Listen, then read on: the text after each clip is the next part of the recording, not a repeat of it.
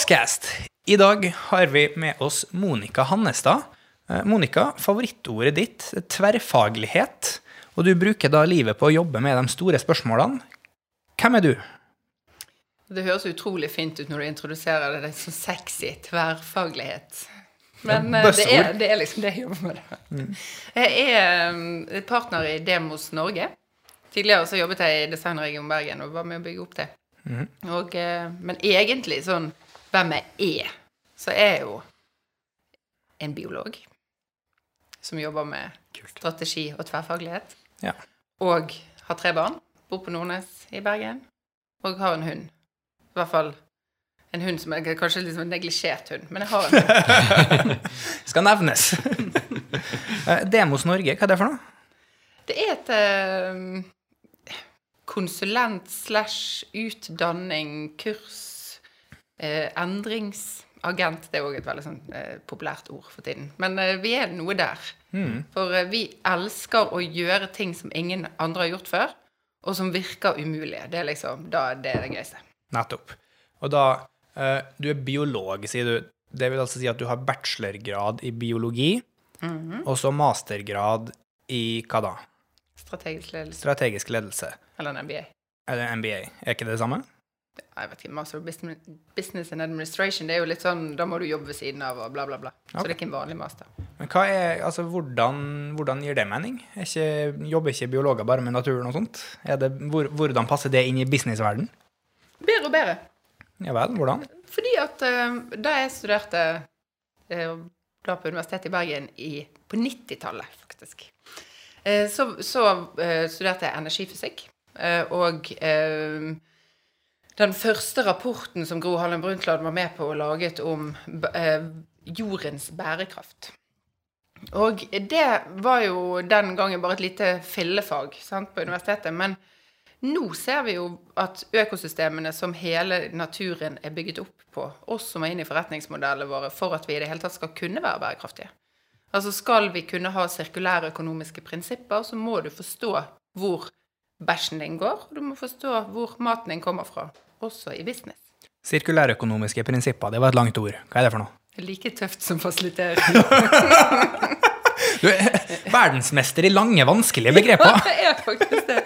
Ja, så vi burde bruke dere da litt oftere, kanskje, for å liksom få hjelp til å gjøre ting litt forståelig. Høres veldig bra ut. Ja, sant. Nei, um, sirkulærøkonomiske Altså, husker du, eller noen av dere er jo flere i dette studioet, det har vi jo kanskje ikke introdusert nestemann ennå, men eh, hvor eh, Husker dere denne lille kaninen i naturfagsboken som bæsjet? Og så kom det regn på bæsjen, sånn at bæsjen gikk ned i jorden. Da ble han spist av makker og liksom forskjellig. Og så vokste det opp igjen eh, blomster og eh, planter som kaninen kunne spise. Nettopp. Det er sirkulær. Det, altså, det er jo sirkulære systemer. Sirkulærøkonomien må henge sammen på samme måten inn i hvordan vi bygger forretningsstrategiene våre. Sånn at, altså igjen, alt du produserer må skulle kunne tas tilbake til kretsløpet. Ja. Da er du reelt sirkulær i din tilnærming. Dette er litt interessant, fordi når jeg begynte et markedsføringsbyrå for tre år siden, så jeg har et prinsipp som jeg står for den dag i dag, og kommer sikkert til å stå for resten av livet mitt. Og uten den konteksten her, uten noe kontekst innenfor biologi i det hele tatt, så hadde jeg et prinsipp, og det lyder følgende. Jeg skal sørge for at min bedrift alltid er tilpasset det nåværende økosystemet. Og jeg tenkte jo på det prinsippet som i den sammenhengen er veldig businessaktig. ikke sant? Et, et business-økosystem hvis vi bruker det ordet innenfor business også, endrer seg kontinuerlig. Og samme gjør jo et økosystem. ikke sant? Um, nå regner med at et økosystem i naturen endrer seg betydelig treigere enn et business-økosystem. Vil du si det sånn? Det spørs jo hvilke, hvem du ser på. Er det bakterier, så kan jo de endre seg over en dag. sant? Veldig interessant. Altså, eller viruset. Yes. For det spørs jo helt hvor lang eh, syklus du har. -hmm. Livssyklus. yes. Interessant. Men da er vi jo på en måte på Da er vi mer på Kan vi kalle det tilpasningsdyktighet? Eh, at sånn oss, vi som bedrift, vi gjør jo den innsatsen vi kan for å være tilpasningsdyktig.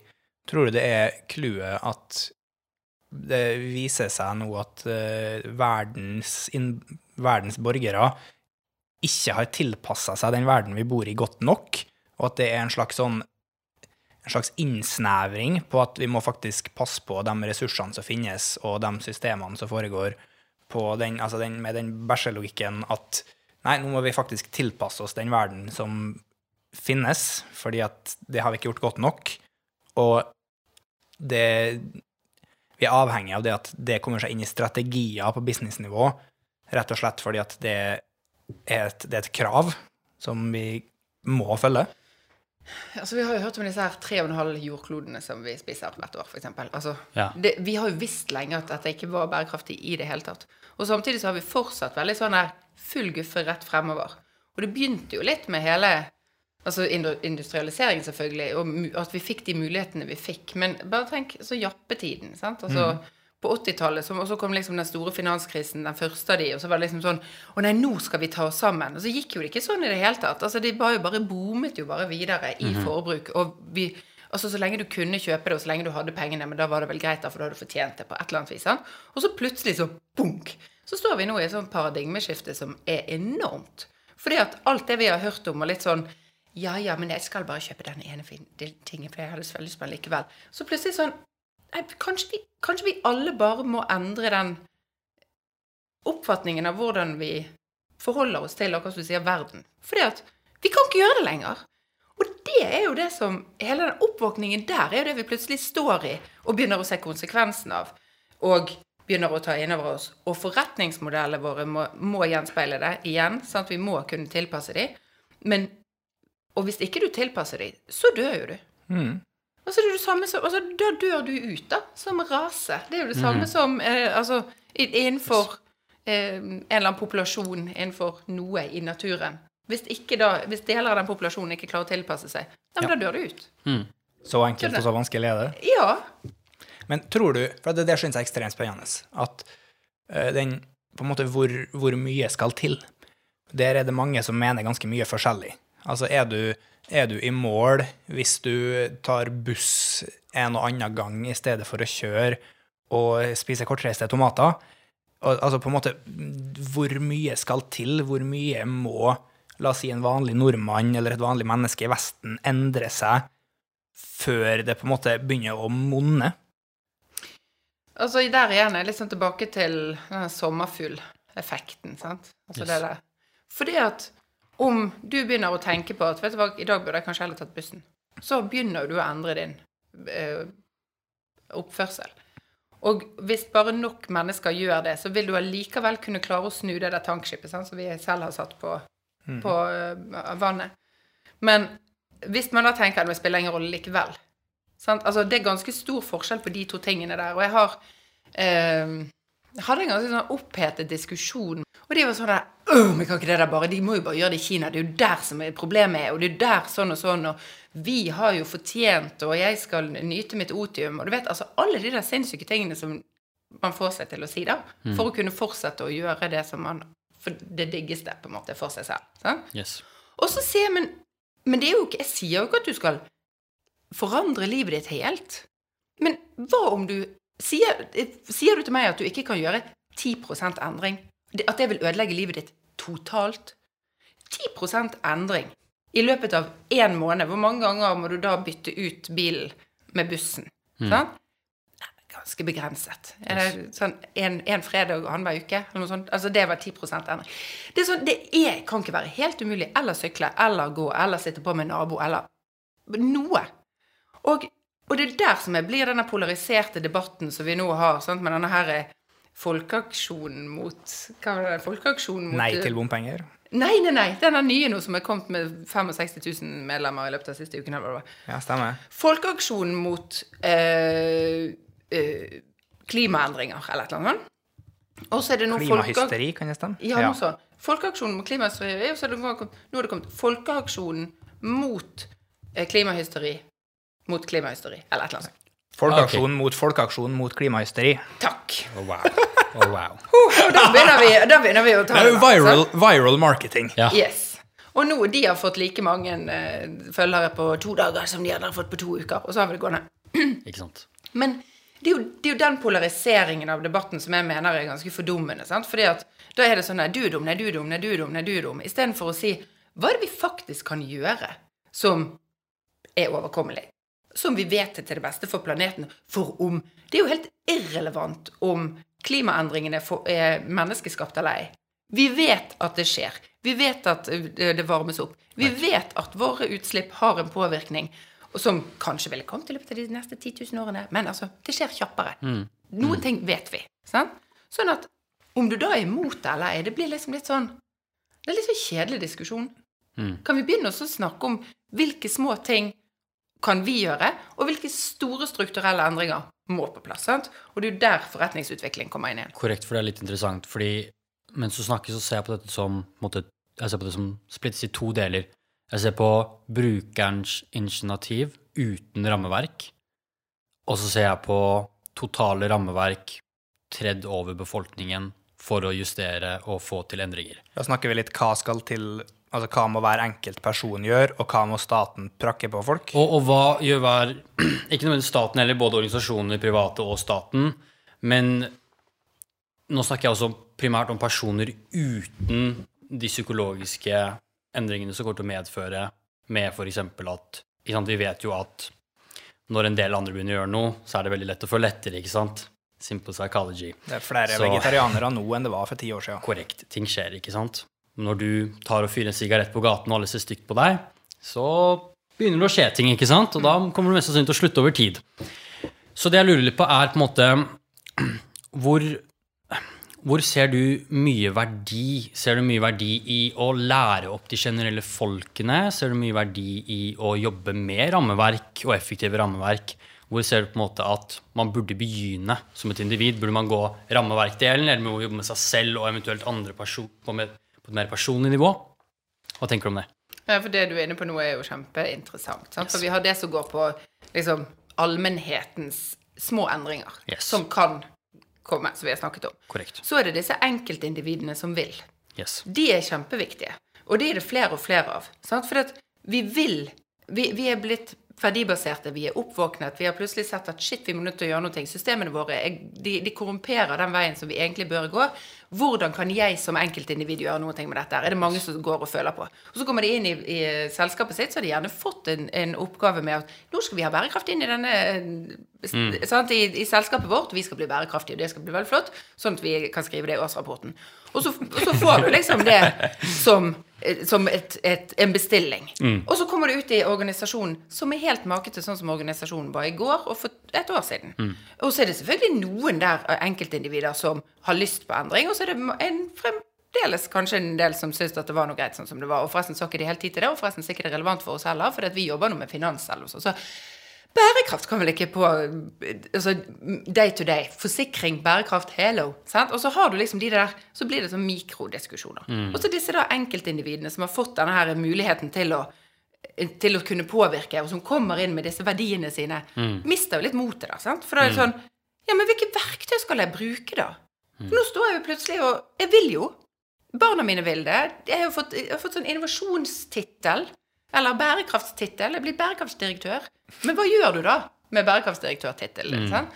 Og der mangler vi jo fremdeles eh, gode verktøy.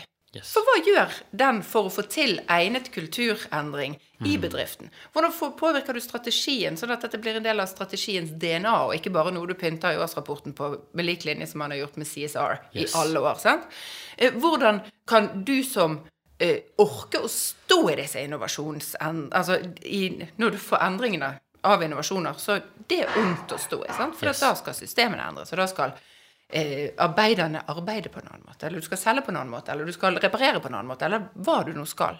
Alt det der er tungt å stå i, og de enkeltindividene som da brenner for dette, er jo det som er vår hovedmålgruppe. Altså for Demos. Det er bare sånn der De trenger hjelp.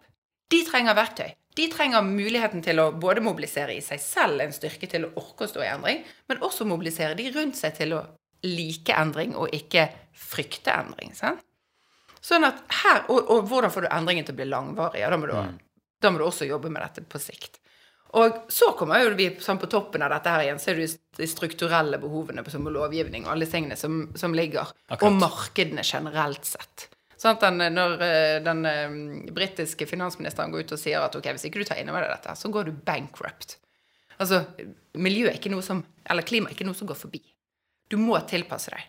Ah, Ok, kanskje vi skal høre på han da. Han, Det kan jo være én som liksom er verdt å høre på, Ja. uavhengig om du er for eller mot klimaendringene, på en måte. litt sånn, sånn. Det bringer meg inn til noe jeg hadde lyst til å ta opp eh, med deg her. Fordi at, altså um, Når det er snakk om hvordan f.eks. klimapolitikk osv. kan skape arbeidsplasser, kan skape, kan skape fremgang, kan skape innovasjon, så syns jeg på en måte jeg synes at man i litt for stor grad glemmer la oss si, utgangspunktet for hva som er grunnen til å drive butikk. Altså hva, hvorfor man gjør den aktiviteten, den verdiskapende delen av det. Altså at eh, på en måte er det fare for at la oss si business blir litt glemt bort i bærekraftsdiskusjonen, eller er det ingen fare? Det er bare tut og kjør og bli så bærekraftig som mulig, og så kommer den verdiskapende delen til å gjøre seg sjøl. Jeg tror at du kan ikke være Du får ikke til verdiskaping om ett år, tre år, fem år hvis ikke du har bærekraft som det grunnleggende i det du holder på med. Du må ha kontroll på alle leddene dine. For det, markedet kommer, du mister tiltro i markedet, du mister tiltro hos kommende, eller både også altså, arbeidstagerne dine vil ikke jobbe for deg lenger hvis ikke du er Du får ikke tiltrukket til de beste hodene. Eh, Du, du klarer ikke å penetrere markedet sånn som du vil. Du noen du, du, får ikke finansiering fordi du har ikke en tydelig bærekraftsfilosofi. Bankene går ut.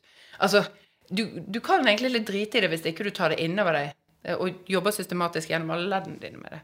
Nettopp. Tror du, Kristoffer, at at For sånn som status er nå, så er det gjerne sånn at hvis man er i en markedsføringssituasjon, og du skal gjøre et innsalg, gjerne på nett eller hvor som helst, så skilter du gjerne med diverse miljøsertifiseringer. Tror du det kommer til å på en måte bli en, bli en sånn hygienefaktor, altså bli et selvfølge? Yes. Det er allerede en selvfølge hvis du f.eks. er i en anbudsrunde med, med hvilken som helst statlig organisasjon når det kommer til markedsføring, så forventer de at du har miljøfyrtårn f.eks. og andre sertifiseringer. Så det er jo allerede en stor del av det og ekstremt viktig. eh, Og at det kommer til å bli viktigere, er det ingen tvil om. Det kommer til å bli essensielt. Eh, Ikke bare at hvis du jobber med en statlig organisasjon, så trenger du det, men også nå hvis du skal jobbe med en privat bank, så kommer du sikkert til å trenge det. Så, det så det går virkelig mot den retningen. Så, så det personlig så ser jeg jo på det som at det går virkelig mot den retningen og kommer til å gjøre det fremover. Nettopp. For det er, en sånn, det er noe sånt som at i i hvert fall statlig, men som du sier, jeg tror også en del banker har noe sånt som at uh, klimaperspektivet skal nå gjelde for 20% av anbudet. Altså hvis man sammenligner to eller flere forskjellige aktører for å gjøre en tjeneste, så er det ja, OK, prisen den kan utgjøre opptil da 80% men klimaavtrykket skal utgjøre 20% av av eh, valggrunnlaget. Altså, noen kan gjerne være dyrere tilbyder, men de er snillere på miljøet. Derfor vil de, gå, altså, de vil få den tjenesten. Uh, samme spørsmål, egentlig. Tror du at det å være klimanøytral og ha alskens miljøsertifiseringer kommer til å være et selvfølge i fremtida, eller er det fortsatt noe man på en måte kan skilte med og skryte av? Nei, det kommer bare til å ligge der. Det er default. Eh, Men det som nå kommer inn i innovative anskaffelser i mye større grad, er jo hvordan er det vi da samhandler og samskaper for å eh, sette sammen kunnskapen vår på en ny måte. Eh, og hvordan er det man setter denne samskapingen i system i anbudsutførelsene. Fordi at det som, det som Og dette er jo igjen Einstein, sant. Altså for å tenke nye tanker, så må du ha liksom nye tanker. Ja. Eh, og du må sette sammen tankene på en ny måte for å få nye tanker. Og, sånn at, og, det, og det skjer ikke av seg selv. Og det ser man jo inn i, inn i, eh, inn i de innovative anskaffelsene, som sagt, som et større og større krav til at du også har en strategi på. Hvordan altså nå, eh, så Jeg hørte nettopp at det er sånn 40-45% av vektingen nå i innovative anskaffelser går på samforståelse. Altså det med felles oppgaveforståelse. Og hvordan jobber du systematisk for felles oppgaveforståelse i forkant av anbudet og underveis i anbudet for å løse oppgaven på en best mulig måte? Her er det jo, altså, og her er det jo vi kommer inn med tverrfaglig fasilitering, som jeg syns er så utrolig interessant igjen. For hvordan bruker vi da gode metoder for samforståelse? Eh, hvis dere skulle samforstått noen ting, hvordan hadde dere gjort det? Sant? Altså- Metodisk. Nettopp. Altså, akkurat vi som, som markedsbyrå er faktisk et litt sånn gøy eksempel på det med tverrfaglighet. For vi er, altså vi er en sammensydd gjeng med videoprodusenter, grafisk design, eh, des, eh, annonsering og strategi i samme hus. Så på en måte, når vi angriper problemstilling, så ser vi på det veldig sånn, veldig sånn fra forskjellige vinkler. Og da tar vi gjerne utgangspunkt i den digitale biten, altså i plattformene, i hvordan, okay, hvordan vil Facebook at innhold skal utformes. Og så tar vi det videre inn i strategien. ok, Hvordan kan vi lage en strategi som er forma basert på det Facebook ønsker å se på sine plattformer? Hvordan kan vi bruke video til å gjøre det på en god måte? Så sånn, altså, vi, er, vi er veldig om bord med den tverrfaglige tankegangen. Ja, og hvor er presten og sykepleieren i tverrfagligheten deres? Akkurat presten og sykepleier er dårlig med. Jo, men satt igjen, det er et eller annet, hvor, hvor bredt tør du å gå? sant? Fordi at igjen skal du skape helt nye løsninger Yes. som skal være unike i sin marked, uansett hvor, hvilke marked du opererer innenfor. Så er det jo større del av menneskene du skal treffe, du klarer å forstå gjennom at ulike mennesker tolker den samme informasjonen eller kommer med sin kunnskap inn. Da vil du få noen helt unike eh, selling points, sånn sånn som alle er ute etter, selvfølgelig. Eh, men i en, i hvert fall i en periode. Og det å hele tiden jobbe med å øke forståelsen gjennom å virkelig utfordre tverrfaglighet. For jeg også kommer fra et, et annet prosjekt sant, som Og det var kjempeflott og tverrfaglig. Og vi hadde jo sant, masse miljøer fra ett fakultet, på en måte, sant, som hadde vært inne. Sånn, sånn. Og det var både en biolog og en kjemiker. Verst. Ok. Ja, og for de er det kjempevanskelig, for det er jo kjempetverrfaglig for de. Men skulle man virkelig forstått, så måtte man jo sant, igjen hatt med Nei, hvor, Igjen, jeg spør alltid hvor er presten? Sant? Altså for Ja. å bare Veldig godt eksempel. Det, det, man blir satt litt på spissen av det eksempelet. Eh, så det er jo sikkert hensikten bak det òg, men det er et veldig godt eksempel. Interessant. Nei, for jeg, jeg ser blant annet i akademia, eh, og nå har jeg på en måte studert amerikansk akademia per se veldig mye. Eh, ikke så mye norsk, så jeg har ikke så mye kompetanse rundt det norske markedet. Men det jeg ser i USA, er jo mye at det har innenfor på en måte sciences, da, så har det vært sånn at biologene har jobbet som biologer, kjemikere jobbet som kjemikere, og fysikerne har jobbet som fysikere. Og vi vet jo at det er visse fundamentalistiske trekk rundt hver. Ikke sant? Dette kan jo diskuteres og kan være litt kontroversielt å si, men fysikerne har en tendens til å være enda litt mer dypere enn biolo biolog biologene når det kommer til molekylnivå osv. Og ergo biologene i noen tilstander kan mistolke visse situasjoner som de burde ha hatt dialog med fysikerne om i forkant.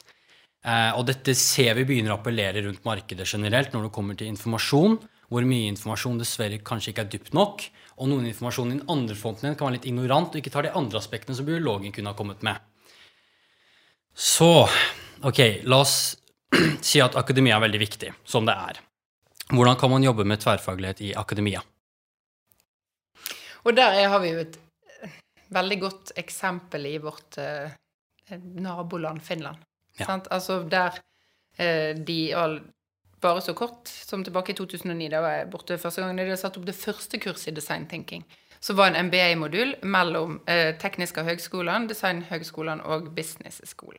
Yes. Eh, og, eh, de, og det hadde jo tatt de 20 år å få opp det, for det var så kontroversielt. sant? Eh, For det var jo helt umulig å få til et samarbeid mellom disse tre. Men det var jo basert på D-school eh, og design thinking-filosofien, som helt siden 60-tallet hadde vært oppe. Så eh, arbeider de med denne MBA-modulen i et par år, så ser de jo at det skapes jo helt enorme ringvirkninger for det at du forstår plutselig teknologi, økonomi og menneske. yes. Og ok, det er jo en suksessformel av dimensjoner, sant? Og i, i 2013 så slår de sammen alle disse tre på en felles campus, bygger en felles campus på dette, og i dag så, så gjør alle studentene på Alto-universitetet har i tverrfaglige grupper virkelig som er tverrfaglige, sant? Og det har tatt de som innovasjonsutdanning, fra at de lå lunket liksom nede et eller annet sted eh, der, til at de nå ligger på første og andreplass som innovasjonsutdanning i verden. Fantastisk. Og Finland som innovasjonsland ligger også veldig høyt på rankingen. Kontra Norge som ligger på 19. plass, og ligger stabilt på 19. plass Yes. av 20. Au da. Ouch. Eh. Før vi, før vi fortsetter, hva er design thinking? Det er én metode for eh, tverrfaglig samskaping. Det finnes masse metoder for dette, og mange måter å fasilitere eh, samskapingsprosesser på.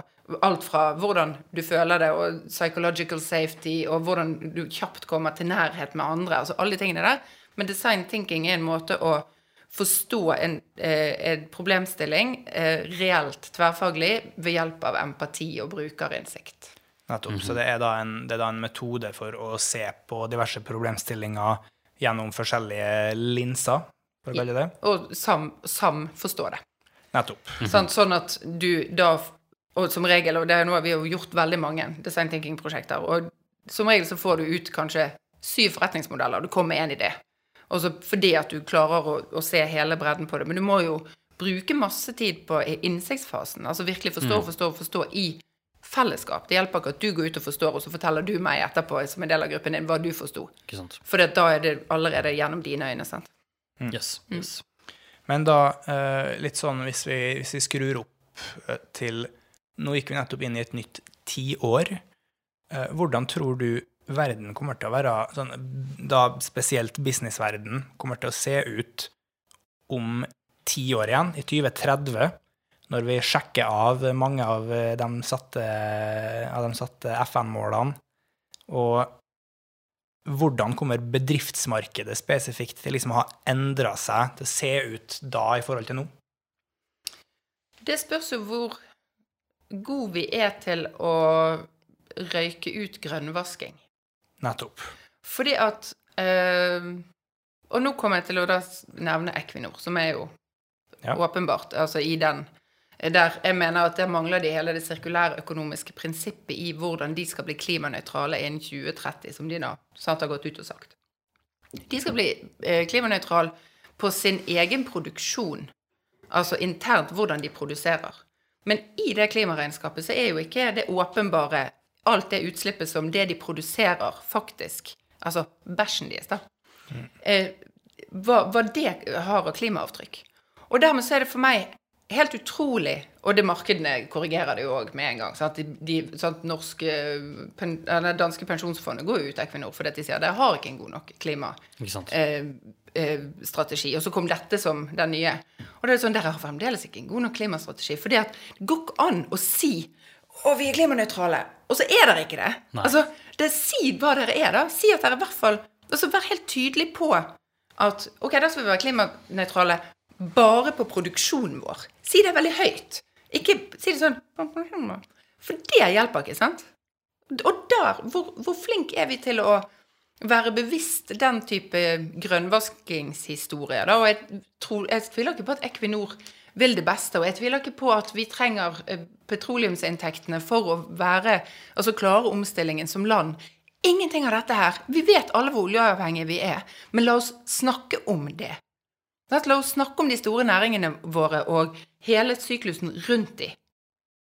Marin, for eksempel. Mm -hmm. Altså, vi har Vi har en litt sånn eh, vi, har ikke, vi har kanskje en litt sånn omdømmebombe eh, som venter oss som land, sant? hvis vi fortsetter å grønnvaske, da. Kristoffer, det, det overlapper veldig med noe du har sagt tidligere om hvordan, du kan si, hvordan verden kommer til å forandre seg i løpet av neste tiår, og som til dels allerede skjer. Altså, det er på en måte det er mye vanskeligere å skufle ting under teppet. Fordi at altså, i disse tider så har alle, i hvert fall i Vesten, går rundt med det som for 20 år siden hadde vært på en måte høy klasse dokumentasjonsutstyr. Altså det er, det er innholdsproduksjonen kommer til å fungere på en sånn måte fremover at det går ikke an å holde ting hemmelig. Nei, det er helt korrekt. Og dette har jeg snakket mye om fordi det som er litt interessant, er du kunne skjule ekstremt mye før, tilbake i tiden. Men grunnet teknologisk vekst og veldig mye som har skjedd i denne verden, åpenbart, mer enn teknologi også, men teknologi er en stor del, stor del av det, så har det blitt et ekstremt åpent økosystem. Og det er ikke bare inn, innad et land, men det er globalt. Um, så altså, jeg tror på veldig mye interessant, som eksempel at nesten alle kommer til å snakke det samme språket om 2000 år og sånne type ting. Jeg tror på at verden kommer til å bli veldig global. Um, for jeg tror at vi mennesker er veldig glad i å ha vår egen greie og vår egen kultur. Eh, og det har vi jo fra, et evolusjonsstandpunkt også. Men jeg tror at vi er veldig åpen for at vi skal ha et samhold tvers av landegrenser, og at landegrenser er, har vært en periode over de siste 2000-3000 årene hvor landegrenser har vært veldig sånn etablert. Eh, men at vi nå kommer til å gå inn i verden med mye mer åpenhet, eh, mye mer globalitet. Og det kommer til å gjøre at folk klarer ikke å skjule ting. Og det kommer ikke til å gå å skjule ting Nettopp. for å gjøre noe som helst. Vi avslutter altså da med John Lennons 'Imagine There Are No Countries'. Eh, Monica, takk for at du var med oss. Takk selv. Jeg har lært mye i dag. Har du? Ja, veldig mye. Vi snakkes!